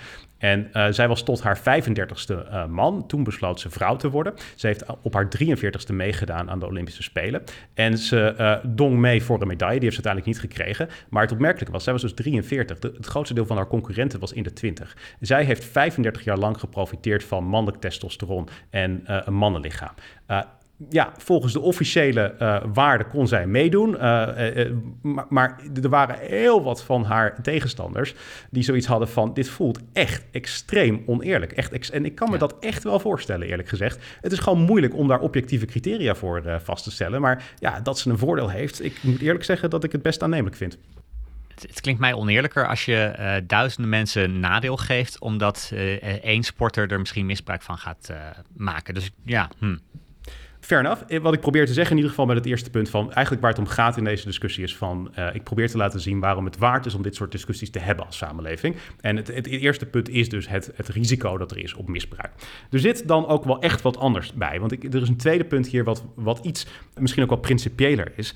En dat is iets wat ik in Amerika heb gezien. Ik, heb het al vaker gezegd, ik volg natuurlijk uh, Amerika heel goed. Lang gewoond, ik volg wat daar in de samenleving gebeurt. En een van de opmerkelijke dingen die daar gaande is, is dat er een epidemie is van transgender meisjes. Uh, echt een epidemie. De cijfers zijn echt shocking. Uh, ik had het er gisteren even met jou over toen we elkaar uh, aan de telefoon hadden, Lars. Dit zijn cijfers, Volgens ik noem de bron er maar even bij, van de American College Health Association. En in 2008 was 1 op de 2000 meisjes transgender. Dus dat zijn meisjes, dat zijn meisjes die, die, die, die tienermeisjes zijn, uh, die, zeggen, die, die, die geboren zijn als vrouw en die zeggen dus dat ze een jongen willen zijn. 1 op de 2000 in 2008. Uh, ik vroeg jou van, dat is nu toegenomen, hoeveel denk je dat het is? En toen zei jij 1 op de 100. En uh, dat zou een explosieve toename zijn, van 1 op de 2000 naar 1 op de 100 is een hele grote toename. Maar het was zelfs een nog grotere toename. Het is 1 op de 20. Uh, dus van 1 op de 2000 zijn we naar 1 op de 20 gegaan. Dat betekent dat in de meeste klassen op de middelbare school in Amerika er één transgender meisje is. Dat is extreem veel. Het interessante is, je zou natuurlijk kunnen zeggen, de acceptatie is toegenomen. Ja. Mooie zaak, blij dat mensen zichzelf kunnen zijn. Uh, alleen dan is wel heel opmerkelijk dat uh, bij jongens niet zo'n trend te zien is. Sterker nog, bij jongens is het aantal transgenders sinds 2008 nauwelijks gestegen. Dus een explosieve stijging bij meisjes, bij jongens nauwelijks. Uh, in het verleden was de, gewoon het aantal mannen en vrouwen transgenders ongeveer gelijk. Nu zie je dat bij tienermeisjes die heel veel meer is dan bij tienerjongens. Nou, dat zegt dat er misschien iets aan de hand is. Wat daar ook meespeelt, is dat het zogenaamde rapid onset gender dysphoria is. Met andere woorden, het zijn meisjes die in hun kinderjaren geen tekenen hebben vertoond van het feit dat ze transgender zijn. Het komt pas na de puberteit op. Dat is anders dan heel veel typische transgender meisjes. En dat is anders dan in het verleden. Dus dat is ook wel belangrijk om dat op te merken. Dan gaat er vervolgens iets gebeuren. Want uh, als je uh, ja, gewoon uh, zegt transgender te zijn, dan mag een therapeut of een psychiater niet meer tegen jou zeggen van, nou weet je het zeker, denk er nog eens maar eens goed over na. Want dat zien we tegenwoordig als kwetsend. Dus er moet zogenaamde gender-affirming therapie worden geboden. In ieder geval in de Verenigde Staten. En dat betekent dat heel veel van die meisjes die zeggen transgender zijn, die worden dus niet tegengesproken. En die gaan op jonge leeftijd al aan bijvoorbeeld de puber puberteitsblokkers of gaan zelfs aan testosteron om mannelijk hormoon tot zich te nemen. Met lichamelijke gevolgen die ontzettend groot zijn. dus ze, ze, krijgen een stem die lager is. Uh, ze, ze, zijn mogelijk niet meer vruchtbaar. Ook als ze er later mee stoppen, dan zijn dat onomkeerbare uh, dingen waarmee ze te maken krijgen. Dus het zijn grote gevolgen voor die meisjes. En wat is nou de situatie? Het zou ook kunnen zijn dat deze meisjes helemaal niet transgender zijn, maar dat het ergens modieus is geworden. Het klinkt misschien bizar van hoe kan dat nou modieus worden? Nou, we hebben natuurlijk ook gezien dat anorexia bij tienermeisjes op een gegeven moment ook in de mode was. Eh, over het algemeen is het een, uh, een leeftijd waarop je heel beïnvloedbaar bent, waarop je makkelijk verkeerde beslissingen neemt. Als je veel mensen in jouw omgeving een bepaalde beslissing ziet nemen, ben je meer geneigd om dat zelf ook te doen. En we weten ook dat tienermeisjes uh, ja, vaker kampen met psychische problemen. Dus ze, ze hebben misschien last van anxiety dus dat ze zich zorgen maken om allerlei dingen. Ze zijn ook uh, vaker dan, dan oudere uh, vrouwen uh, depressief bijvoorbeeld. dat soort emoties spelen heel erg heftig. En het punt is dat zij denken misschien dat ze transgender zijn, maar dat zou best wel eens een verkeerde zelfdiagnose kunnen zijn. En omdat ze niet tegengesproken mogen worden, omdat het dus niet eerlijk is, omdat dat niet ja, gewoon fijn is voor mm ze, ondergaan ze dus echt verschrikkelijke dingen met alle gevolgen van dien.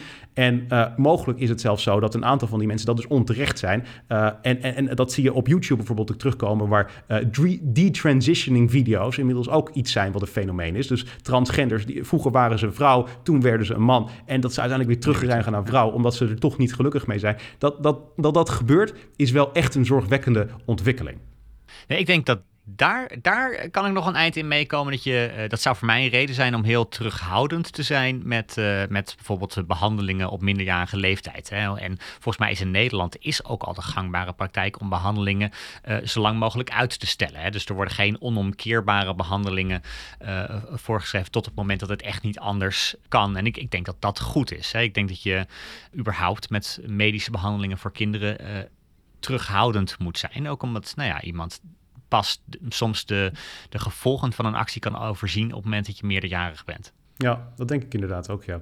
De reden waarom ik dit koppel aan de wet, omdat het in Amerika nog makkelijker is, zeker in sommige staten, om uh, je, je geslacht uh, te veranderen. Ik denk dat het goed is dat je gewoon kijkt met een psychiater. Ik denk dat het goed is dat we uh, mensen naar een psychiater sturen voordat ze hun geslacht kunnen wijzigen. Niet omdat die psychiater vast kan stellen of het wel klopt, maar dat je even met iemand praat om te kijken, misschien zijn er andere problemen die je hebt, die ervoor zorgen dat je rot voelt. En als die makkelijker op te lossen zijn, als je gewoon inderdaad depressief bent, dan moet je niet allerlei hormonen gaan slikken, dan moet je misschien gewoon uh, geholpen worden om die problemen op te lossen. En dat is vaak de, de, betere oplossing dan. Dus ik denk wel dat dat hetgene is wat, wat hier speelt. en dat zou je uiteindelijk willen stimuleren. Maar ik kan me dat eigenlijk niet voorstellen, want je, je, ga, je krijgt toch pas uh, een, een, medische behandeling nadat je überhaupt met een dokter hebt gesproken. En ik bedoel, een huisarts heeft ook bijvoorbeeld continu te maken met uh, mensen die, die, die, die niet lekker in een vel zitten of zo. Ik bedoel, daar, daar, ik ga ervan uit of er daar ook wel iemand hebben die uh, nadenkt, een gesprek voert voordat hij zegt: Oh, je wil deze kuur. Um,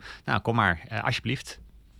Nou ja, kijk, in Amerika, als mensen met een uh, diagnose komen van zichzelf, een zelfdiagnose heet dat dus, dan mag je daar als psychiater niet meer tegen in te gaan. Dus als iemand zegt: Ik ben geboren als vrouw, maar ik voel me een man, dan moet jij daarin meegaan. Dan, uh, dan, lijkt me dat het probleem en niet bijvoorbeeld de wet. Mm, nou, maar, dat, maar, maar dat, dat, ben ik met je eens. Maar daarom zeg ik dat onze wet, uh, onze wetswijziging, is een stap in de richting van het feit dat we dat klakkeloos moeten overnemen als mensen dat zelf zeggen. Dus in Amerika is het veel erger. In het uh, Verenigd Koninkrijk zie je overigens ook vergelijkbare trends. Dus daar zie je het ook. het is niet exclusief in Amerika helaas. In Nederland zie je ook echt een toename van transgender meisjes. Gelukkig nog niet zoveel als in Amerika. Uh, maar uh, ook hier is dat zichtbaar. En ik denk dat dit soort wetswijzigingen daar wel aan te grondslag liggen. Maar ik, ik bedoel, ik, ik vind, oké Lars, als jij er anders over denkt, maar ik vind dat dit een discussie is die gevoerd moet worden, omdat het leed in potentie gewoon heel erg groot is. Dus ik zou hier gewoon als samenleving met elkaar een debat over willen voeren. Ja, en daar kan ik me nou wel bij voorstellen. Dat je zegt van we moeten in ieder geval een zorgvuldige afweging daar maken ik denk wel, van, kijk, dat iets meer voorkomt, kan ook inderdaad gewoon zijn dat het geaccepteerder is geworden. Hè. In Rusland zeggen ze ook dat homoseksualiteit daar niet bestaat. Is natuurlijk onzin. Uh, er is net zoveel homoseksualiteit daar als in, uh, in Nederland. Alleen is de sociale acceptatie ervan veel minder. En ik kan me voorstellen dat nu de sociale acceptatie in Nederland groter wordt. Of misschien ook in Amerika groter wordt. Dat je ook ziet dat meer mensen uit de kast durven te komen. En die, de, de, de, gender durven te kiezen maar die. Uh, waarom alleen meisjes en niet jongens? Weten we daar voldoende af, vanaf? Het, misschien, je, je? je, ziet toch ook uh, bij andere dingen soms verschillen tussen, tussen meisjes en jongens. Het kan toch best zijn dat dat vaker voorkomt? Nee, maar waarom zie je een hele sterke stijging bij meisjes van transgenders en geen enkele uh, serieuze stijging bij jongens? Dat, dat, als, als het meer acceptatie is, zou je bij, bij beide een, een stijging verwachten. Ten, tenzij misschien, maar ik weet het niet, hè, dit is, dit is vrijheid filosoferen. Dus de sociale acceptatie belangrijker wordt gevonden door die vrouwen voordat ze tot een keuze durven over te gaan. Ik weet dat niet. Misschien heeft dat wel een rol. Dat, je, dat, je, dat, dat uh, uh, jongens het gevoel hebben van uh, fuck die sociale acceptatie. Ik wil gewoon zijn wie ik ben. Ja, nou ja, ik, dat, dat vind, ik een, vind ik een sterk verhaal, moet ik eerlijk zeggen. Want ik denk dat uh, toen homoseksualiteit niet geaccepteerd werd, waren er ook heel veel mannen die niet uit de kast durfden te komen. Uh, dus ik, ik, ik, dat, dat zou ik niet in eerste instantie denken. Ik denk dat dit echt iets is wat onderzocht uh, moet worden. Dat wordt het ook zeker overigens. Hè. En er zijn ook zeker aanwijzingen dat, ja, dat het iets is wat niet allemaal alleen maar pure transgenders zijn. En het feit dat veel meisjes ook weer detransitionen, dat is wel een, een, teken aan de wand. En het feit dat heel veel van de psychische stoornissen bij die vrouwen die man worden ook niet afnemen, is misschien ook wel een teken. Maar goed, ik, ik, wil vooral even het punt maken. Ik denk dat het iets wat besproken wordt. Het laatste punt om hier in dit kader te maken, dat is een uh, observatie van de Amerikaanse hoogleraar uh, Camille Paglia. Zij is hoogleraar op het gebied van filosofie en literatuur, een bekende feminist, zeg ik er maar even bij. ik zeg er ook maar even bij dat ze lesbisch is overigens. En dat is, nou ja, goed, ze was al uit de kast in de tijd dat niet gebruikelijk was per se. En zij heeft eigenlijk de observatie gedaan dat wanneer je uh, een cultuur ziet instorten, dat er vaak een obsessie is met gender. Dat klinkt wel heftig en ik weet ook niet helemaal wat ik ervan moet uh, denken. Maar hm. zij zegt bijvoorbeeld dat in het oude Rome en in het oude Griekenland in de nadagen zag je dat er een obsessie was met gender. Uh, dus dat zie je heel goed terug in de beeldhouwkunst, zegt zij. Want in het begin en dan het hoog, tijdens de hoogtijdagen van het Romeinse Rijk, dan worden er beelden van atletische jonge mannen gemaakt. En later zijn dat beelden van hele feminine mannen. Mannen die uh, ook vaak uh, ja, slap zijn, niet gespierd zijn. Ook veel beelden van hermafrodieten die worden gemaakt bijvoorbeeld. En dat geeft aan dat de samenleving zich verheven voelt boven gender. Het is iets waarvan ze denken van, dat is wat de Romeinen zagen als iets barbaars. Letterlijk van de barbaren. Hè? Dus dat waren voor hun gewoon rivalen. Mensen die hun, hun gebied binnenvielen. masculiniteit is van de barbaren, dachten ze op een gegeven moment. En de theorie daarachter is dat uh, uh, wanneer mensen het niet meer eens zijn over wat man is en wat vrouw is, dat fundamentele paradigma aan het afbrokkelen zijn. Uh, een cultuur categoriseert dingen. Dit is onder, dit is boven, dit is man, dit is vrouw, dit is zwart, dit is wit. En door dingen op een bepaalde manier, op dezelfde manier te kwalificeren, te categoriseren, zien we ze ook op dezelfde manier. Dus een bekend voorbeeld daarvan is dat Eskimo's heel veel verschillende woorden voor sneeuw hebben. Er is een mythe dat ze 100 woorden voor sneeuw hebben. Nou, dat is beslist niet het geval, maar ze hebben wel meer woorden voor sneeuw dan wij dat hebben. Wij zien eigenlijk alleen maar sneeuw. Zij zien daar ook echt onderscheid in. Dus door dingen op een andere manier te benoemen, zie je ze ook anders. En uh, het is een teken aan de wand dat wij niet meer op dezelfde manier naar gender kijken. Dat we daarover aan het uiteenlopen zijn. En zij, uh, deze hoogleraar zegt dus ook dat uh, uh, zowel de hypermasculiniteit die je bij de alt-right ziet, dat is een probleem. Maar tegelijkertijd het idee dat gender heel erg fluïde is, niet meer bestaat en dat je alles kunt kiezen wat je maar wil. Vrijheid, blijheid op dat vlak, dat is evenzeer problematisch. Um, en en, en dat, dat, ja, goed, dat kan een teken zijn van het feit dat onze beschaving aan het instorten is. Ik vind dit echt heel kwalijk. En dit soort uitspraken is de reden dat volgens mij heel veel mensen de genuanceerde discussie over gender Mhm. niet meer voeren of durven te voeren, omdat dit soort uitspraken worden gedaan. Het is voor mij een beetje de categorie van eh, natuurrampen die dan worden geweten aan eh, moreel verval of, eh, of dat de homo's in een land het, de schuld krijgen van kijk, dit is de straf van God die op ons afkomt. Kijk eens hoe slecht het met ons gaat. Volgens mij, de eerste, de eerste twee punten kon ik het nog volgen, maar dit is gewoon een bizarre bizarre uitspraak volgens mij. Er zijn, je, kan, je kan overal wel een verklaring voor gaan, eh, gaan zoeken op, op zo'n manier. En ik denk dat het niet, niet kies is om dit soort, eh, dit soort dingen zo eh, te koppelen. Nee, ja. Ja, ik weet het niet. Ik denk dat het niet kwaad kan om dit soort fundamentele zaken te bespreken. Ik ben er niet zo van overtuigd dat het goed is om te denken dat wij boven onze menselijke aard staan. Dat is denk ik ook een van de dingen wat wel vaker waar wij over van mening verschillen. Ik denk dat eh, de maakbaarheid van de mens beperkter is dan we vaak geneigd zijn om te denken. En op het moment dat we te veel afwijken van onze menselijke aard, dan eh, is dat iets wat grote risico's met zich meebrengen. En ik denk, naarmate culturen zich verder ontwikkelen, dan gaan ze zich te verheven voelen, te ver afstaan van de menselijke aard. Ik denk dat dat over het algemeen een risico is. Mag ik je gewoon eens eerlijk vragen waarom je zoveel ongemak voelt bij dit soort uh, onderwerpen? Want ik, ik merk bij dit onderwerp, daar hadden we het ook al even over, dat je ongemakkelijk bent. Ik merkte ook vorige week bij het onderwerp waar we het hadden over verschillen tussen mannen en vrouwen. Er zat ook best wel veel ongemak. Je hebt ongeveer een stuk of tien keer gezegd dat, uh, uh, dat, dat mensen boos worden, wat volgens mij niet gebeurt. Dus in ieder geval niet dat, dat ik heb meegekregen. Dit is gebaseerd op feiten. Het, het, het is gebaseerd op onderzoek. En uh, het is, het, ik ook zeggen van, um, als, als dat het geval is, onderzoek leidt niet altijd tot jouw eigen ideologische conclusies. Um, het, onderzoek is er ook om te kijken van, van waar jouw ideologie misschien niet klopt. Goeie zaak, toch? Nou, waar, waar mijn probleem in zit, is dat we het hier hebben over een groep die het uh, veel lastiger heeft dan jij en ik. Die al heel veel vaak geworsteld heeft met, uh, met van alles en nog wat. En het laatste wat je daarop wil plakken is een, is een stigma van uh, je kiest alleen maar door, voor de verandering omdat het in de mode is. Het is een soort van nieuwe anorexia. Uh, het laatste wat je wil is allerlei karikaturen erop plakken van uh, het kan misgaan in een gevangenis. Want ik denk van ja, het, het, dat, dat, is, dat is een heel vergezocht punt voor mij. ik denk waar het, waar het echt om gaat. Is, ik, ik maar wacht even, wat, je... mag, mag ik even gewoon daarop reageren? Want wat als het nou waar is? Wat als dat nou inderdaad klopt? Wat als inderdaad daar het gewoon modieus is? Dan wil je toch heel veel meisjes redden van verschrikkelijk leed dat ze zichzelf aandoen. Maar, maar, dan, maar dan kan je volgens mij de genuanceerde discussie voeren zonder dat je zo'n zo radicale uitspraak eh, nodig hebt van iemand die het verval van de Griekse en uh, Romeinse cultuur erbij haalt. Ja, maar dat is een ander punt. Uh, laten we ze even per keer. Jij had het net over het feit dat ik het modieus noemde en vergeleken met anorexia. Wat als het zo is? Hè? De, de, de, het feit dat het heel veel gebeurt, is best een indicatie dat het een ernstig probleem is. Ja. En dat is uh, ongetwijfeld ook een discussie die gevoerd wordt, bijvoorbeeld uh, in, de, in, de, in de medische zorg, waar een huisarts wel degelijk een gesprek natuurlijk heeft met iemand die, die zich die daar meldt. Ik, ik denk niet dat in Nederland iemand zomaar een behandeling krijgt zonder dat je een gesprek hebt gehad met een, met een huisarts en daar die afweging goed gemaakt is en goed gewaarschuwd is voor de gevolgen ervan. Maar dit zijn ook gewoon politieke afwegingen. Je mag als samenleving kiezen hoe je mee omgaat met uh, transgenders. Er, er, is niet een één juiste oplossing. Er is niet de wetenschap of de medische wetenschap die dat kan beslissen. Dit is ook hoe je als samenleving erin staat.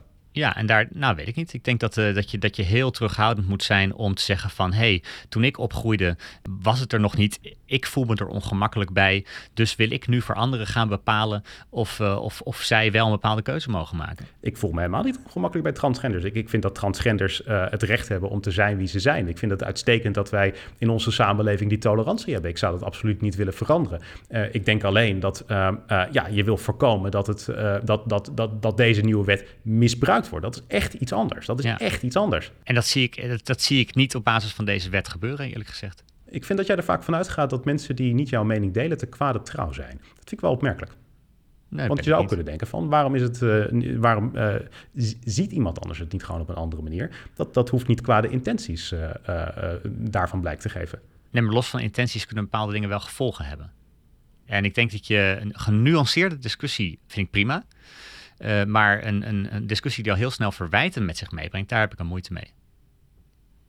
En wat is dan het verwijt wat ik hier heb uh, geplaatst? Nou, dat het een, dat het een modeverschijnsel is. Het een, uh, wat als het dat is? Dat zei ik net ook al. Als het ja. dat nou is. laat dat inderdaad in de medische wetenschap door huisartsen, door koepelorganisaties, in het veld, door de mensen die hier uh, elke dag die mee doen te het maken niet. hebben. Laat die dat bespreken. bespreken het niet. Dat is het probleem. Hoe weet je dat? Nou ja, omdat in Amerika het totaal uit de hand is gelopen daar. Ja, in Amerika, daar gaan wel meer dingen mis in Amerika. Groot-Brittannië. Groot-Brittannië is het net. eh, Ik bedoel, Groot-Brittannië ligt niet heel ver, bij ons vandaan. Ook in Nederland zien we echt een stijging, Lars, van, van, van, van tienermeisjes die zeggen transgender te zijn. Ik denk dat we in ieder geval moeten kijken en met elkaar durven te benoemen dat dit misschien echt iets is wat, een, wat, wat, wat, wat, wat blijk geeft van, van, van ergens een probleem wat daar heerst. Misschien dat die mensen niet transgender. Ik denk dat we het in ieder geval moeten bespreken. Ik hoop dat de conclusie is dat ze allemaal transgender zijn en dat ze gelukkiger worden, dat het alle problemen voor ze oplost, of in ieder geval de problemen op dat gebied. Maar ik denk, jongens, laten we het in godsnaam goed met elkaar bespreken. Dit zijn echt hele belangrijke dingen. Je mag het laatste woord hebben in deze discussie. Ja, ik denk dat we het eigenlijk al veel te lang erover gehad hebben. ik, vind het, ik, ik vind dit een minder groot ding dan jij. Dat is duidelijk, dat is duidelijk. Uh, Oké, nou laten we het afronden. Dit uh, is dus uh, typisch een van die discussies waar we het niet over eens zijn. dat hebben we in ieder geval wel vastgesteld.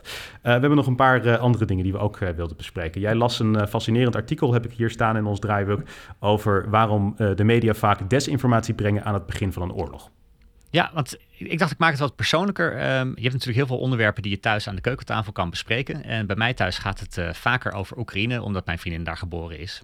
Dus dan gaat het natuurlijk ook over de oorlogsdreiging nu, wat, uh, wat Poetin nu weer uitspookt. En de effecten die het nu al heeft in Oekraïne. Want dat wordt vaak vergeten, denk ik, in Nederland. Heel vaak um, uh, is de discussie in Nederland een beetje van... oh, als Poetin uiteindelijk niet invalt of aanvalt... dan, dan is het gevaar afgewend. Maar het heeft nu al enorme effecten op iedereen die in uh, Oekraïne woont. En wat ik in NRC Handelsblad uh, tegenkwam was een artikel dat ging over de verslaggeving. En met name aan het begin van een oorlog. En we hopen natuurlijk met z'n allen dat die oorlog er niet komt.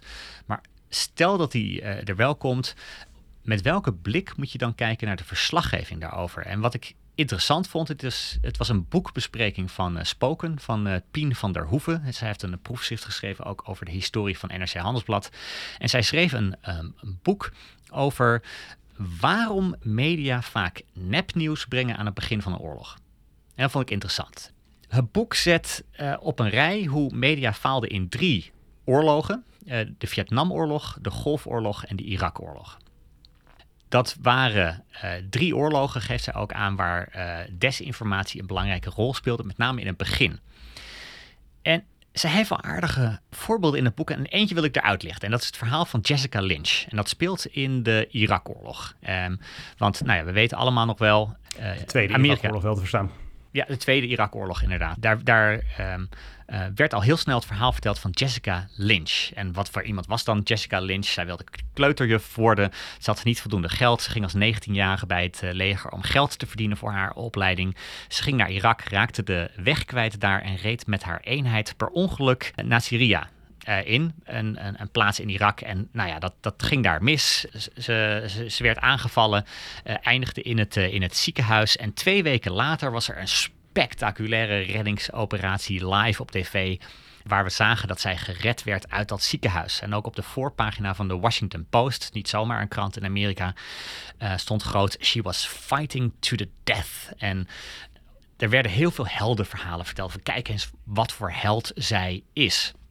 En dat werd ook door uh, defensiebronnen van Amerika, werd dat verhaal helemaal achter de schermen verteld. En dat was goed getimed, want op dat moment ging de oorlog niet zo lekker. Er waren, uh, de Amerikaanse troepen werden niet binnengehaald als bevrijders. Uh, er waren bij, soms bij één slag waren er al 32 doden en er was behoefte aan goed nieuws in Amerika. En toen bleek later dat het verhaal wel heel anders lag. En even voor duidelijkheid, ook dat is dan door westerse journalisten naar buiten gekomen. Hè? Dus die hebben uiteindelijk wel verteld hoe het uh, precies zat. Wat, uh, wat bleek, uh, die Lynch die had überhaupt niet gevochten. direct in het begin waren haar verwondingen zo groot dat ze naar het ziekenhuis werd gebracht. Ze is daar heel goed verzorgd door ja, Iraakse artsen. Ja, precies, want ik vind een van de details, want ik heb dit destijds meegekregen inderdaad. En ook uh, zowel uh, dat ze werd gered als dat, wat, wat later bleek waar te zijn. Maar ze heeft dus ook bloed gekregen van Irakezen. Wat wel even echt het hele verhaal anders maakt. Ze is feitelijk gered door Irakezen. Absoluut. Uh, er was maar één, uh, want ze had op een gegeven moment doorligwonden. En toen was er in het ziekenhuis was er één anti-decubitus bed. Ik hoop dat ik dat goed uitspreek. Uh, en die is ten koste van ook Iraakse patiënten is zij daar, is zij daar inge, ingelegd. En de, de staf van het ziekenhuis die haar geholpen heeft, heeft zelfs geprobeerd haar over te dragen aan de Amerikanen. Maar ja, toen werden de, werd de ambulance beschoten door de, door, de, door de Amerikanen. En toen is eigenlijk een hele bevrijding in scène gezet. Toen de Amerikaanse commando's daar naar binnen uh, kwamen, toen waren er heel, het was het was het leger van Irak was al lang weg. Juist de artsen die haar zo goed verzorgd hadden, werden in de boeien geslagen. Het bed waarin ze in lag, dat werd uiteindelijk vernield. Zodat ook de Irakezen er geen gebruik meer van uh, kon, uh, kon uh, maken. En zij zegt ook zelf na afloop, ik was absoluut geen held. En toch is dat verhaal zo verteld. En ik, ik, ik schrok wel van dit soort verhalen. En toen vroeg ik me af, zijn er meer van dat soort verhalen? En in het boek blijkt wel dat dat wel een patroon is. Met name in de beginfase van een oorlog zie je dat heel veel verkeerde berichten naar buiten komen, ook in de traditionele grote media. Maar ik vind het eigenlijk fascinerend dat mensen dit überhaupt fascinerend vinden. Want ik vind het het grootste non-nieuws wat ik ooit in mijn leven heb gehoord. Dat overheden liegen. Uh, dat, dat, is, dat, is denk ik niet echt iets wat een hele grote verrassing uh, zou moeten zijn. En ik denk de reden dat voor sommige mensen dit belangrijk is om te horen, dat sommige mensen hier geïnteresseerd in zijn, is omdat er een politieke kloof in, uh, is ontstaan de afgelopen jaren rondom vertrouwen in het establishment, om het maar zo te zeggen. Dus sommige partijen zeggen dat ze het establishment nooit zullen vertrouwen. Denk aan de PVV, denk aan Forum voor Democratie, denk ook wel een klein beetje aan de SP in dat kader. En bij andere partijen zie je dan dat ze precies de tegenovergestelde beweging maken. dus D66, GroenLinks, daardoor is juist extra veel vertrouwen in het establishment uh, gekomen. En ik ben heel eerlijk gezegd geneigd om te denken van beide kampen zitten ernaast. Het is niet een reden om het establishment volledig te wantrouwen, maar tegelijkertijd moet je ze ook niet volledig vertrouwen. Uh, een kritische houding ten aanzien van de overheid, de elite, het establishment is zeker aan te bevelen, omdat mensen die een reden hebben om te misleiden en ook de middelen hebben om dat te doen, die zullen het op sommige momenten gewoon doen. Dus dat mag echt nooit een verrassing zijn. Dus ik zou zeggen, ja, wees kritisch. Ook inderdaad wat Biden nu zegt over uh, Oekraïne. En tegelijkertijd ook wat Poetin over datzelfde conflict zegt. Wat hij zelf zegt is dat een van de dingen waar het vaak fout gaat, is dat je wel ziet dat elke crisis weer, de, of elke oorlog, dezelfde fouten worden gemaakt in de journalistiek. Dat zij zegt het zelflerend uh, vermogen in de journalistiek is in die zin beperkt. Uh, de media hebben, zegt zij, geen collectief geheugen voor oorlogsverslaggeving. Terwijl als je kijkt bij het ministerie van Defensie, hmm. ja, daar wordt, uh, worden ervaringen met de media na elke oorlog in een nieuw handboek verwerkt. En daar ligt dat klaar. En zij waarschuwt wel voor uh, verkeerde verslaggeving. En ik denk dat dat, ja. ja met name met, uh, met de ontwikkelingen die we op dit moment zien, belangrijk is om ook zelf weer als nieuwsconsument, om je daar bewust van te zijn.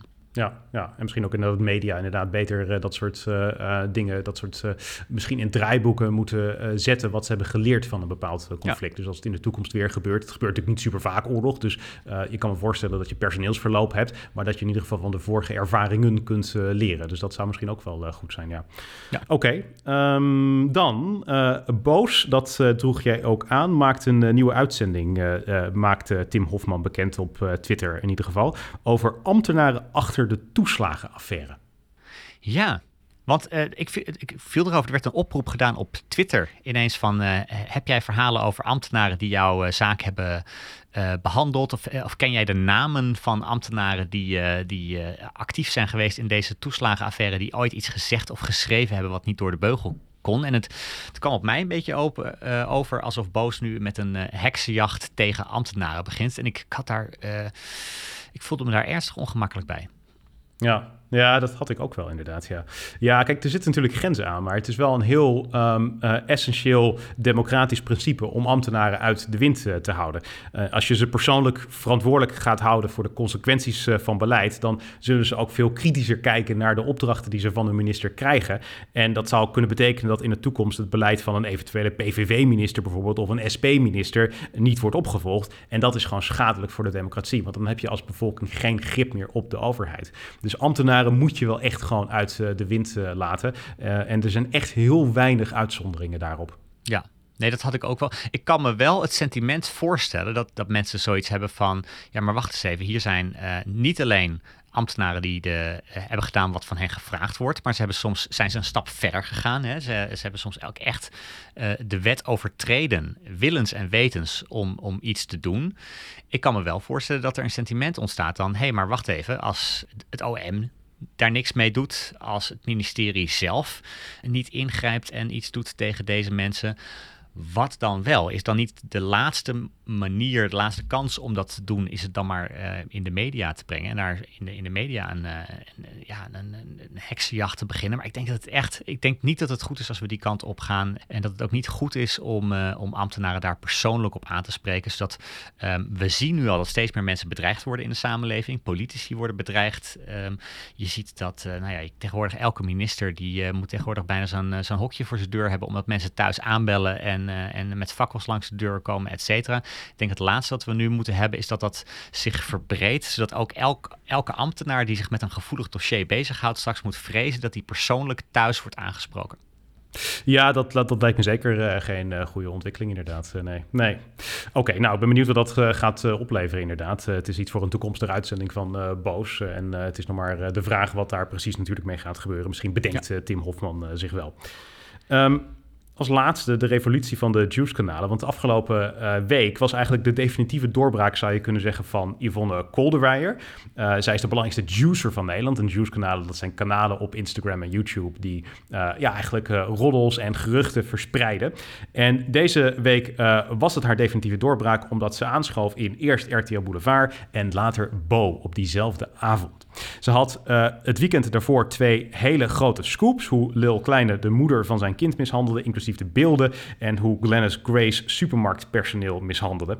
Uh, de reden waarom het echt wel opmerkelijk is dat ze bij die twee programma's uh, aan mocht schuiven was omdat ze eigenlijk best wel verguisd is de afgelopen tijd door de traditionele media. Er werd in programma's als Boulevard en Shownieuws ook openlijk gesproken over hoe zij het niet zo nauw nam met allerlei journalistieke conventies, dat ze alles maar gewoon online plemte en dat soort zaken. Maar ondertussen groeide haar publiek echt enorm. ze heeft, als je kijkt naar Instagram en YouTube en het dat bij elkaar optelt, heeft ze een half miljoen volgers. Ook een heel aantal betalende leden. Dus ze heeft ook 4200 betalende leden op een speciaal Telegram kanaal. Dat zijn mensen die extra juice krijgen. Die betalen een tientje per maand. Nou, als je gewoon kijkt, 4200 keer een tientje per maand, keer 12 maanden per jaar. Dat is alleen al aan dat dat ze gewoon een half miljoen verdient. Verder heeft ze nog merchandising en advertentieinkomsten. Dus deze mevrouw doet het echt ontzettend goed. Die heeft het financieel uh, niet slecht. Uh, ze noemde zich in het begin Alberta Verlinde. Nou, mogelijk doet ze het nu beter uh, financieel gezien dan de echte Albert Verlinde. Dus dat geeft wel even aan hoe dit echt heel groot is geworden. En het interessante daaraan, ze is eigenlijk gewoon gestegen eh, qua populariteit, omdat mensen vertrouwen zijn verloren in de entertainmentjournalistiek in Nederland. Uh, programma's als Boulevard en Shownieuws hebben te vaak grote misstanden onder de pet gehouden. Het is eigenlijk heel opvallend dat het uh, Voice-schandaal, wat van epische proporties is, dat dat niet door Boulevard of door Shownieuws uh, wordt uh, ontmaskerd, maar dat het Yvonne Kolderweijer is en die had al verteld over Marco Borsato en Tim Hofman, die een hele aflevering van Boos daaraan wijdt. eigenlijk zijn het de niet-traditionele media die die zaken aan de kaak hebben gesteld. en ik, ik denk dat mensen gewoon denken bij zichzelf, is, is Boulevard nog wel te vertrouwen? Vertellen ze me echt wel wat er gebeurt of zijn ze dingen onder de pet aan het houden? Een interessant voorbeeld in dat kader is ook de affaire van Umberto Tan. Uh, dat is door RTL Boulevard. Hij presenteerde destijds RTL Late Night. Uh, RTL Boulevard heeft dat eigenlijk in eerste instantie doodgezwegen. En ik, ik begrijp ergens waarom, want het zijn natuurlijk beide RTL-programma's. En ik, ik, ik ben ook wel eens uh, daar op die redactie geweest. Uh, Boulevard en Late Night deelden één redactieruimte. Dus Iedereen die mensen die werkten heel wel. intensief ja. samen met elkaar. Als er een oranje schotje tussen de tafels stond, dan was dat uh, een Boulevard-deel van, van de Kamer. En als er een paars schotje tussen de tafel stond, dan, dan werkten daar Late Night-redacteuren. Dus ik begrijp waarom het moeilijk is om daarover te berichten. Maar het idee dat Boulevard dacht dat ze ermee weg konden komen om dat dood te zwijgen dat is wel een teken dat het waarschijnlijk veel en veel vaker gebeurt. En dat denken heel veel mensen. Yvonne Kolderweijer heeft als grote uh, USP, unique selling point, dat zij onafhankelijk is. Zij gaat niet naar de feestjes van de sterren. Zij is niet iemand die met die mensen omgaat privé. En daarmee kan ze dus informatie delen die anderen niet zouden delen. En tegelijkertijd, ze blijkt er gewoon wel vaak gewoon uh, raak te schieten. Ze, heeft het gewoon bij het juiste eind, keer op keer. Wat, wat in het begin werd gezegd is dat ze, dat ze zomaar alles online gooit. Nou, dat valt wel mee, want ze heeft weinig dingen online gezet die niet blijken te kloppen. Dus ergens heeft ze wel een hele goede intuïtie. En ja, dat is natuurlijk uiteindelijk hetgene waar het om draait. Klopt jouw informatie, ja of nee? Dus ik denk dat heel veel sterren zich best een beetje zorgen kunnen gaan maken. Want als je dingen hebt gedaan die anders onder de pet gehouden zouden worden, zou dat zomaar ineens naar buiten buiten kunnen komen. Maar ik denk eigenlijk dat dit, wat, wat, wat Pim Fortuyn was uh, voor de politiek, dat is Yvonne Kolderweijer, Kolderweijer voor uh, de entertainmentjournalistiek. Het is een soort van populistische revolutie. Mensen vertrouwen het establishment niet meer uh, en gaan naar iemand die het wil gaan aanvechten. En ik denk Tot... dat het een hele belangrijke les is voor alle journalisten. je kunt wat dat betreft het vertrouwen van het publiek echt heel snel verliezen. En dat is, als het gebeurt, iets is wat heel moeilijk te herstellen is. Dus ben ook echt eerlijk en trouw naar je publiek in dat opzicht. Totdat ze zelf wordt ingekapseld natuurlijk. Want er komt een moment dat ze denkt van ja, het is natuurlijk leuk met de Instagram en mijn Telegram kanaaltje. Af en toe misschien uh, aanschuiven bij een showrubriek. Maar er komt natuurlijk een moment dat zij uh, een positie aangeboden krijgt van wil je niet bij ons vaste expert worden bij, bij Boulevard of ergens anders de vaste deskundige worden. En ja, dan krijg je natuurlijk dat, dat dat wat ze heeft opgebouwd met dezelfde snelheid ook daar weer kan afnemen. Want dan is ineens wel afhankelijk van die job daar. Ja, het zou kunnen dat zij uh, dan inderdaad niet meer onafhankelijk is. Het zou kunnen zijn dat het publiek ook die perceptie krijgt dat she sold out, dat, dat, dat, dat idee.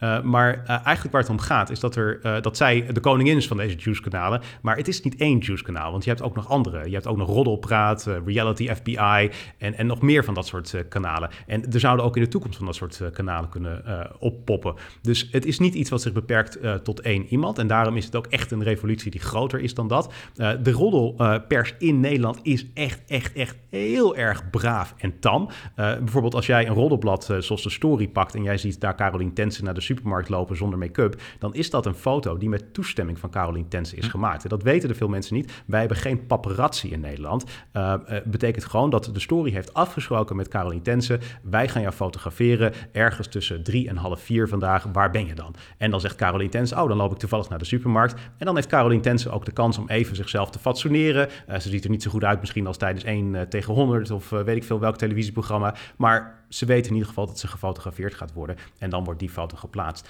En uh, ja, dat, dat, dat is wel echt een behandeling die ze in het buitenland, denk ik, Groot-Brittannië absoluut niet krijgen. En ik denk dat de Nederlandse uh, uh, entertainmentjournalistiek ook meer die kant op gaat.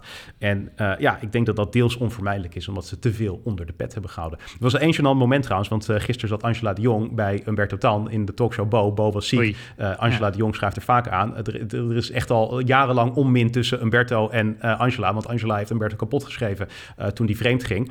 En uh, er was echt een van de meest gênante momenten die ik ooit op televisie heb gezien, denk ik wel. Want op een gegeven moment, het ging ook over precies deze discussie die wij nu ook aan het voeren zijn. En op een gegeven moment zei Umberto uh, van, ja, het is niet mijn ervaring dat bij Boulevard dingen onder de pet worden gehouden.